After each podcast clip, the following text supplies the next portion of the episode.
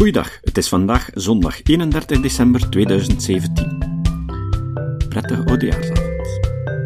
Ik ben Jozef van Giel en dit is de 339ste aflevering van deze podcast.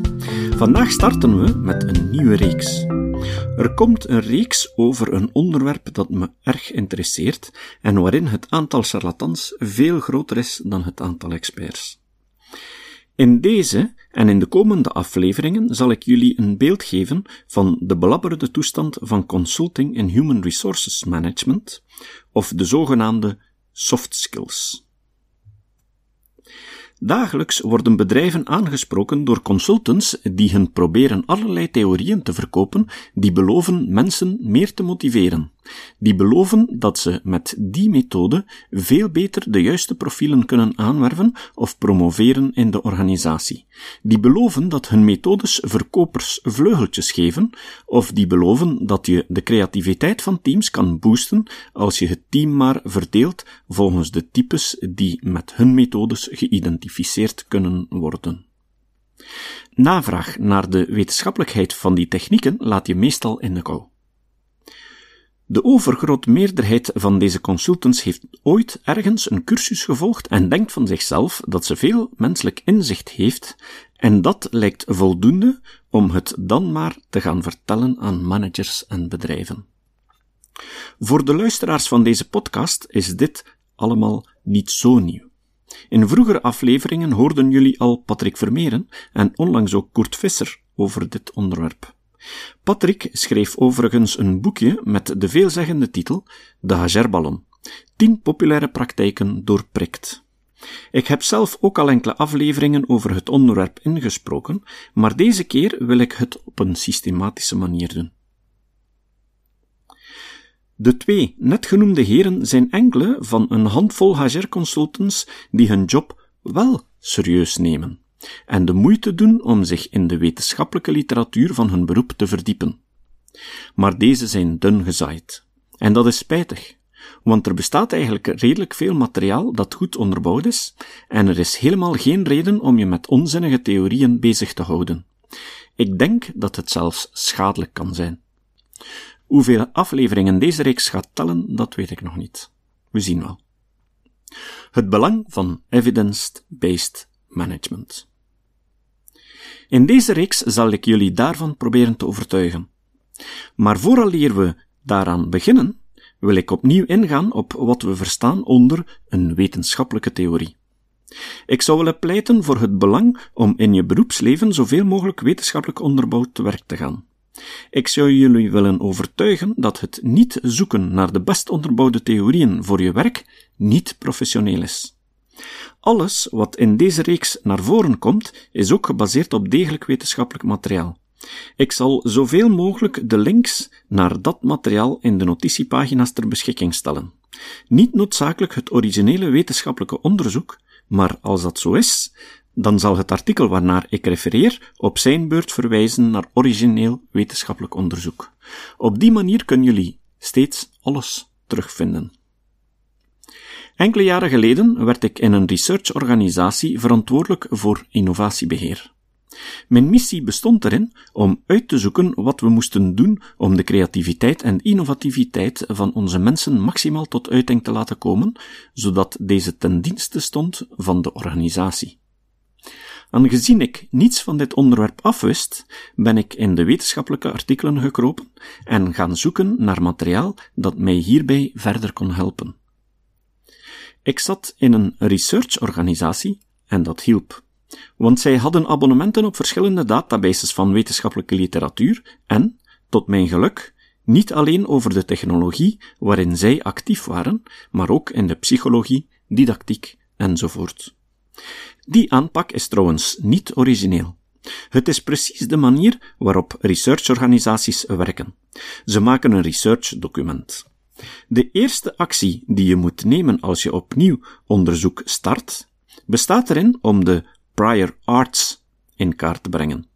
Dat betekent dat je eerst begint te zoeken naar wat er al aan onderzoek gedaan is op het terrein van je project, door twee soorten bronnen te raadplegen: wetenschappelijke literatuur en de patenten.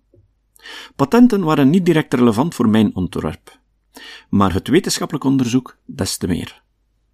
Al snel leidt onderzoek naar innovatie en creativiteit je ook naar motivatie en leiderschapsstijlen. De studie van de wetenschappelijke bronnen heeft veel van mijn overtuigingen over de menselijke psychologie doen herzien. Ik kwam tot de volgende inzichten. In tegenstelling tot mijn overtuiging tot dan toe zijn psychologie, sociologie en behavioral economics niet zomaar wat zachte studierichtingen. Er bestaat een hoop wetenschappelijk sterk onderbouwd onderzoek dat gerust naast onderzoek uit de zogenaamde harde wetenschappen mag staan. Het is dus niet zomaar een verzameling intuïtieve bedenkingen van professoren, maar wel degelijk falsifieerbare hypothesen die empirisch onderzocht worden. Niet alle professoren, dus ook daar moet je kritisch blijven. Heel wat theorieën die ik altijd als evident aannam, bleken gewoon verkeerd te zijn. Wat erger is, meer dan 80% van wat er in de bedrijfswereld gebruikt wordt door HR-consultants en in het personeelsbeleid is onbewezen of zelfs aangetoond fout. Heel veel van deze consultants zijn helemaal niet op de hoogte van het wetenschappelijk materiaal dat er bestaat en relevant is voor hun job. Het lijkt erop dat deze mensen meer bezig zijn met de klant tevreden te stellen door sessies te organiseren waar iedereen zich goed bij voelt, dan door sessies te organiseren die voor de klant echt werken. Toevallig was het ook rond die tijd dat ik Patrick Vermeeren voor het eerst ontmoette tijdens bijeenkomsten van SCEP. En zijn boeken hebben geholpen om in de berg aan wetenschappelijke literatuur mijn weg gemakkelijker te vinden. Zijn boek De Hagerballon was voor mij een mooie aanzet naar wat er fout is, en zijn boek rond leiderschap was al heel diepgaand een rijke basis van wetenschappelijk onderbouwde theorieën. Vooraleer we ingaan op bedrijfspsychologie, wil ik eerst nog een ander punt aanhalen dat al in eerdere afleveringen aan bod kwam, maar misschien hier best nog eens duidelijk gemaakt wordt. Waarom is de wetenschappelijke onderbouwing belangrijk? De epistemologie is de tak van de wetenschap die zich bezighoudt met de vraag waarom we weten wat we weten. Hoe we de waarheid kunnen achterhalen en of die wel echt te achterhalen is. Epistemologie is waarschijnlijk even oud als de filosofie, maar sinds de verlichting heeft het toch een vlucht genomen. Een aantal filosofen die een belangrijke invloed hadden op de epistemologie zijn René Descartes, David Hume, Albert Russell, Karl Popper en Willard O'Quine. Het demarcatieprobleem is een specifiek epistemologisch probleem dat zich bezighoudt met de vraag hoe je wetenschap van pseudowetenschap kan onderscheiden. Hoe onderscheidt betrouwbare kennis zich van fantasie?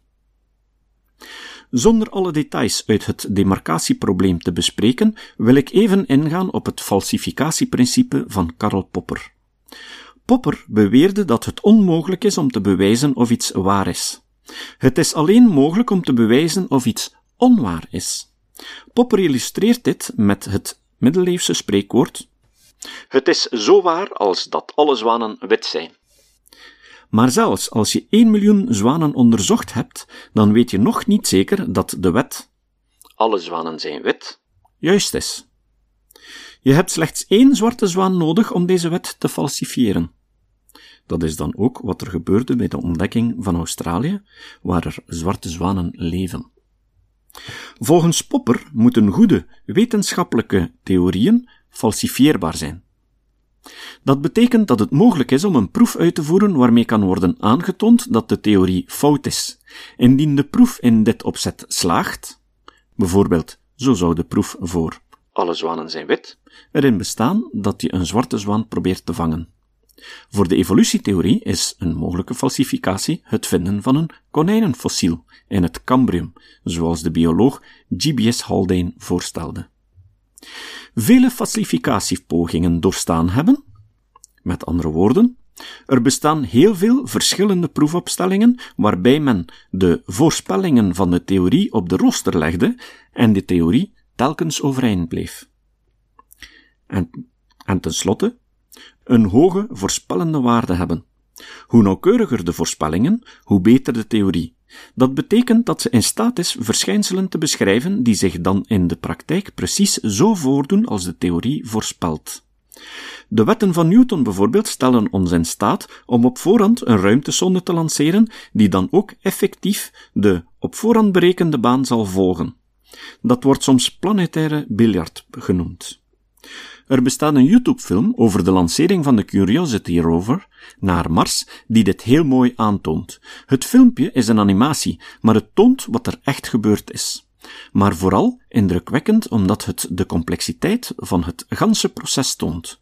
Bij die landing is er echter geen enkele menselijke tussenkomst geweest. Dat was ook onmogelijk, omdat de volledige landing 20 minuten duurde, terwijl de radiogolven er langer over doen om de aarde te bereiken. Met andere woorden, op het moment dat de controlebasis de signalen binnenkreeg dat het landingsproces gestart was, stond Curiosity al op de grond. Het volledige proces is met computersimulaties eerst uitgewerkt. Daarna is het allemaal opgebouwd op basis van de resultaten van die simulaties. Een computersimulatie is uiteindelijk een implementatie van fysische wetten in een computer. Het feit dat de resultaten van die simulaties zo dicht bij de werkelijkheid kwamen, is een prachtige falsificatiepoging van de wetten van de fysica. Beweringen die niet voldoen aan het demarcatiecriterium zijn in principe niet meer waard dan een wilde gok of een pure fantasie. Alfred Russell illustreerde dit punt heel helder met behulp van zijn astronomische theepot. Russell beweerde dat er ergens tussen Mars en Jupiter een theepot rond de zon draait. Russells theepot is niet falsifieerbaar. Het is namelijk onmogelijk om te bewijzen dat deze theepot niet bestaat. Russell's theepot is ook het symbool van deze podcast. Dit denkexperiment maakt duidelijk dat de bewijslast voor het bestaan van die theepot bij Russell ligt en het dus niet aan de luisteraar is om te bewijzen dat die theepot niet bestaat. Het is ook duidelijk dat het feit dat we helemaal niets weten over die astronomische theepot de waarschijnlijkheid op het bestaan van de theepot niet op 50% brengt en de uitspraak Russell's theepot bestaat even waarschijnlijk zou maken als de uitspraak Russell's theepot bestaat niet. Russell gebruikte deze analogie om duidelijk te maken dat het aan de religies is om te bewijzen dat hun God bestaat en niet aan agnosten dat hij niet bestaat. Op dezelfde manier ligt de bewijslast voor de werking van geneesmiddelen bij de producent, voor de waarde van astrologie bij de astrologen en voor de geldigheid van een model van de menselijke psychologie bij de psycholoog. Het basisstandpunt dat bij deze werkwijze moet worden ingenomen is waar we nu staan, zonder de te bewijzen theorie. Dat noemt men de nulhypothese. De nulhypothese bij Russell is: de astronomische theepot bestaat niet. Een ander belangrijk aspect van een goede wetenschappelijke theorie is dat ze intern consistent is. Dat betekent dat ze niet met zichzelf tegenstrijdig mag zijn. Externe consistentie betekent dan weer dat een theorie niet tegenstrijdig mag zijn met de bestaande, goed onderbouwde wetenschappelijke theorieën. Dat zijn de wetten van Newton, van Maxwell, de evolutietheorie, de relativiteitstheorie, de kwantumfysica en de thermodynamica. Externe consistentie is minder streng dan interne consistentie. Het is namelijk mogelijk dat een van die goed onderbouwde theorieën toch fout blijkt te zijn. In dat geval zou deze nieuwe theorie een van die oude theorieën moeten vervangen.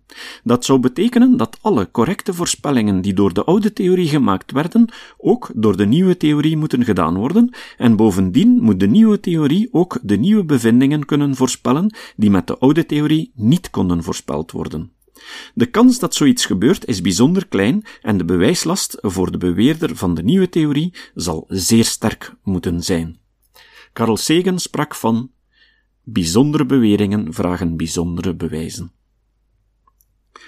Een belangrijk probleem bij wetenschappelijk onderzoek, en zeker als het gaat over menselijke reacties, zoals medische interventies, psychologie, sociaal gedrag, is dat het onderzoeksproces kan worden beïnvloed door de vooroordelen van de onderzoekers en eventuele testpersonen.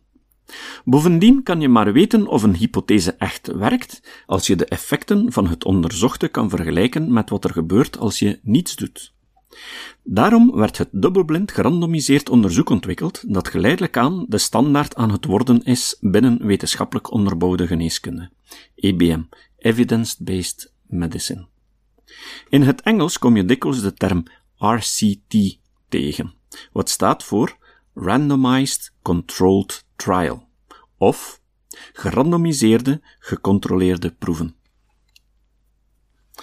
Een van de pioniers in deze discipline was Archie Cochrane, een Schotse arts die tijdens de Tweede Wereldoorlog als krijgsgevangene door de Duitsers werd aangesteld als gevangenisarts, omwille van zijn opleiding en omdat hij Duits sprak. De gevangenen kregen last van hongeroedeem. Cochrane deelde de gevangenen op in twee groepen en gaf aan één van beide groepen gistsupplementen en aan de andere vitamine C. Na enkele dagen bleek de groep die gistsupplementen kreeg duidelijk beter te worden. Deze test was het begin. Het was echter nog niet geblindeerd. Bij een dubbelblinde test wordt eigenlijk de nulhypothese getest. Bijvoorbeeld, als je wil onderzoeken of een medicament werkt, dan is de nulhypothese dit medicament is niet beter dan een placebo. Om dat te onderzoeken verdeel je de testobjecten in een controlegroep, die niets krijgt, of een nepbehandeling, of iets dat al gewoon gebruikt wordt, en een behandelde groep. De objecten worden gerandomiseerd. Dat betekent dat ze door toeval worden opgedeeld in de ene of in de andere groep. Blindering betekent dat je ervoor zorgt dat de objecten niet weten of ze bij de controlegroep of bij de testgroep horen. Dat betekent ook dat de onderzoekers niet weten wie bij de controlegroep zit en wie niet. In dat geval spreken we van dubbele blindering. Dit gebeurt door de mensen een nummer te geven.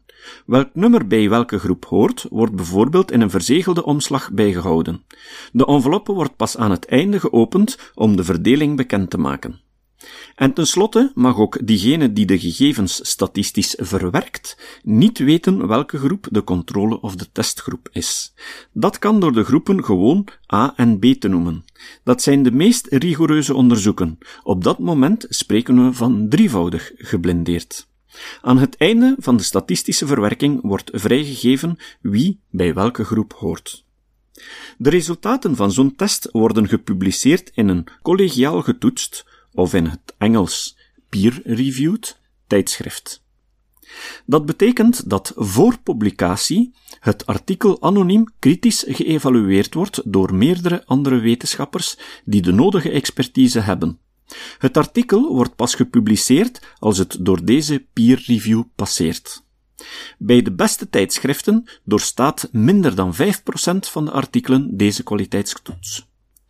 Een dergelijke publicatie is slechts een aanzet voor verder onderzoek, niet een wetenschappelijk feit. De onderzochte hypothese wordt nu ook door andere wetenschappers verder onderzocht en zijn geldigheid wordt versterkt indien meerdere onderzoeken de bevindingen bevestigen. Dan komen er overzichtspublicaties die een globaal beeld geven van de stand van zaken van het onderzoek op een bepaald thema. Een belangrijke database die dit doet voor medische artikelen is de Cochrane Collaboration, genoemd naar Archie Cochrane, die we eerder aanhaalden. Ten slotte is het belangrijk te begrijpen dat er ook een probleem bestaat rond publicatiebias of publicatievooroordeel. Dat betekent dat onderzoeken met negatieve resultaten minder snel gepubliceerd worden dan studies met positieve resultaten, waardoor de stand van zaken er dikwijls beter uitziet dan de werkelijkheid. Het is alsof je met een dobbelsteen gooit, maar alleen het resultaat weerhoudt als het groter dan 3 is. Daarom wordt er, onder andere door Ben Goldacre, meer en meer gepleit om een publicatieplicht in te voeren. Dat betekent dat een onderzoeker verplicht is om een onderzoek te registreren, vooraleer hij eraan begint. Als dat niet gebeurt, mag het onderzoek niet gepubliceerd worden. Als het wel gebeurt, dan is hij verplicht om zijn resultaten te publiceren, ook als ze een negatief resultaat geven. RCT's, dubbelblind gerandomiseerd onderzoek, hebben hun beperking omdat je ze alleen kan toepassen in een labo-opstelling en ze weinig zeggen over lange termijn effecten. Bovendien zijn ze niet altijd mogelijk. Om de schadelijkheid van tabak te onderzoeken, kan je moeilijk 200 mensen gedurende 20 jaar opsluiten in een lab en 100 daarvan verplichten om elke dag drie pakjes sigaretten te roken en de andere 100 dit te verbieden. Daarom bestaan er ook andere onderzoeksmethoden. Een daarvan is het epidemiologisch onderzoek, of longitudinaal. Daarbij wordt een bepaalde populatie van de bevolking opgevolgd voor specifieke, op voorhand vastgelegde criteria. Dan wordt er op lange termijn gekeken of de gedefinieerde hypothesen, bijvoorbeeld roken verhoogt de kans op longkanker, kloppen. Dubbelblind onderzoek wordt meer en meer gepromoot om gebruikt te worden in domeinen buiten de medische wereld, de evidence-based medicine of EBM. Zo was Florence Nightingale een pionier in evidence-based nursing. Daniel Kahneman en Amos Tversky in evidence-based psychology. Ben Goldacre pleit voor gebruik van evidence-based onderzoeksmethodes in de politiek en het onderwijs. Esther Duflo heeft belangrijke inzichten verworven door RCT-onderzoek toe te passen op ontwikkelingshulp. Bijvoorbeeld, wat is de beste manier om muggennetten te verspreiden zodat ze effectief gebruikt worden? Bob Sutton en Jeffrey Pfeffer pleiten voor het gebruik van evidence-based technieken bij managementbeslissingen. En er bestaat een grote groep mensen die pleiten voor evidence-based human resource management, waarvan Frederik Anzeel van de Universiteit van Gent en Patrick Vermeeren belangrijke pleitbezorgers zijn in België. Ik denk dat iemand die zijn beroep op een professionele manier wilt uitoefenen, gebruik moet maken van het best beschikbaar bewijsmateriaal. In het Engels klinkt het beter, daar zegt men the best available evidence. Dat dekt de lading beter omdat men in het Engels een onderscheid maakt tussen evidence en proof. Proof is een bewijs zoals in de wiskunde. Evidence daarentegen zijn eerder bewijzen die bijdragen aan het verhogen van de betrouwbaarheid van de kennis, zonder op zich definitief bewijs te zijn. Bij evidence is de hoeveelheid en kwaliteit van het bewijsmateriaal van belang. Een goed uitgevoerde proef is echter niet voldoende om een feit definitief vast te leggen. Besluit. Als je geen gebruik maakt van de huidige stand van de wetenschap binnen je vakgebied, ben je een amateur of een charlatan. Dus opnieuw, Wetenschappelijke kennis is nooit definitief, maar het falsifiëren van bestaande kennis doe je door middel van argumenten die sterker zijn dan de oude en niet met behulp van oude theorieën die al gefalsifieerd waren. Ik ben dus altijd bereid om mijn mening te herzien als ik geconfronteerd word met de juiste argumenten. Volgende keer zullen we zien dat de overgrote meerderheid van de HR-consultants op de markt amateurs zijn die de onderbouwde theorieën niet kennen en nog steeds geld verdienen met achterhaalde theorieën over gedrag, motivatie en typologieën. We gaan die achterhaalde theorieën onder de loep nemen. Het citaat. Het citaat van vandaag komt van Ben Goldacre. Het komt uit zijn boek Wetenschap of kwakzalverij op pagina 408. Goldacre zei: De grote farmaceutische industrie is niet bang voor de industrie van de voedingssupplementen. Ze is die industrie. Tot de volgende keer. Deze podcast is het resultaat van het werk van veel mensen.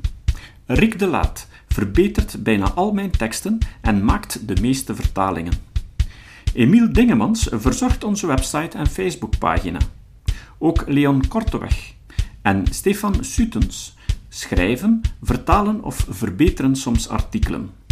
Leon onderhoudt bovendien het YouTube-kanaal van deze podcast.